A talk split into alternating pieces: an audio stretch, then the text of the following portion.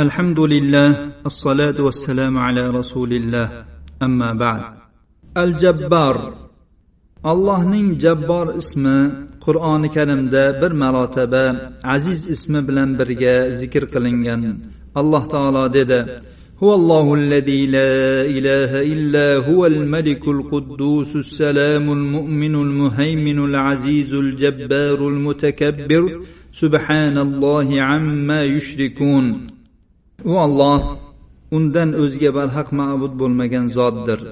U malikdir quddusdir salomdir mo'mindir muhaymindir azizdir jabbordir mutakabbirdir. Alloh ular shirk keltirayotgan narsalardan pok. Jabborning uch ma'nosi bor. Birinchisi qahhar ma'nosida bo'lib alloh subhanahu va taolo hamma narsa ustidan g'olibdir.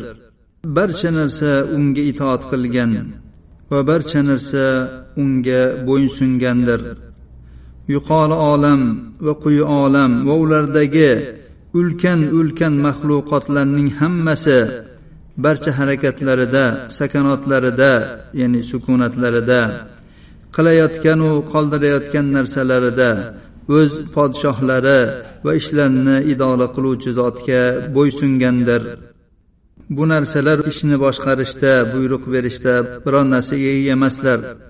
Va na hukmda biron narsaga egalar. Balki ishning hammasi alloh taolo uchundir. Buyruq berishning hammasi olloh uchundir. Shar'iy bo'lsin qadariy bo'lsin jazoiy bo'lsin hukmlarning hammasi alloh taolo uchundir. Alloh taolodan o'zga hokim yo'q. Undan o'zga rob ham undan boshqa iloh ham yo'q ma'bud ham yo'qdir. Ikkinchi ma'nosi allohning rahmat bilan iltifot qilishiga qaytadi. U zot siniqlarni tuzatadi. Bu siniq ma'naviy bo'lsin haqiqiy bo'lsin. Siniqlarni ham tuzatadi qalbning siniqligini ham tuzatadi. Kambag'alni boy qiladi og'irni yengil qiladi. Musibatiga ulkan ajrni evaz qilib berishlik bilan birga sabrga tavfiq berish va sog'ayishini yengillatish bilan musibatlangan va kasal bo'lganlarni tuzatadi.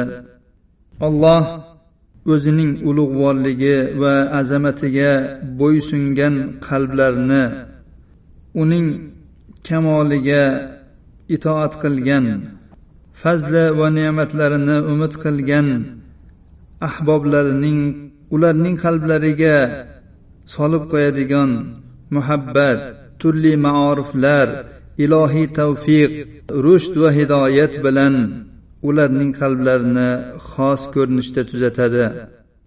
Duo qiluvchining allohum majburni degan so'zida uning haqiqati bandani isloh qilish va undan barcha yomonliklarni daf qilish bo'lgan mana shu tuzatish maqsad qilingandir. Nabiy sollallohu alayhi vasallam ikki sajda o'rtasida shunday deb duo qilardilar. Allohumma g'firli varhamni vajburni vahdini varzuqni. Ey allohim meni mag'firat qil menga rahm qil. Meni jabr qil meni tuzatgin. Meni hidoyatingga yo'lla va menga rizq ber. Imom termiziy va ibn moja rivoyatlari. Jabborning ma'nolaridan uchinchisi hamma narsalardan oliy. Uning uchun oliylikning barcha ma'nolari zotning oliyligi qadrning oliyligi qahrning ya'ni g'oliblikning oliyligi u uchun bo'lgan zotdir. Kuch qudrat yolg'iz olloh uchundir.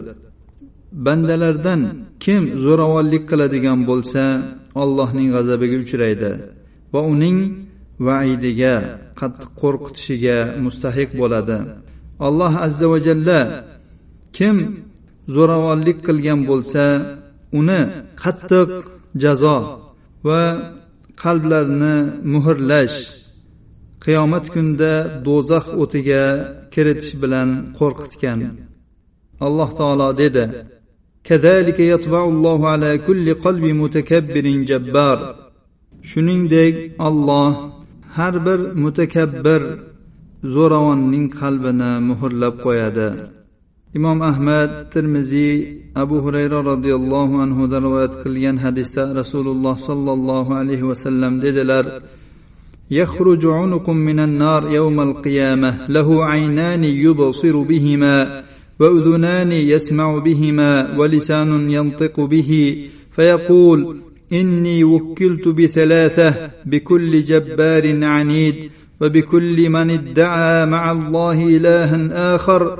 والمصورين قيامة كندا do'zaxdan uzun bo'yin shaklida bir o't chiqadi uni ular bilan ko'radigan ikkita ko'zi ular bilan eshitadigan ikkita qulog'i va u bilan so'zlaydigan tili bo'ladi u aytadiki men uch toifaga yuborilganman har bir qaysar zo'ravonga va har bir alloh taolo bilan birga boshqa bir ma'budga ilohga ibodat qilganga va jonzotlarning rasmlarini chizuvchi suratkashlarga rassomlarga azizul jabbor bo'lgan zotdan lutfu rahmatini marhamatini umid qilamiz هذا وصلى الله على نبينا محمد وعلى اله وصحبه وسلم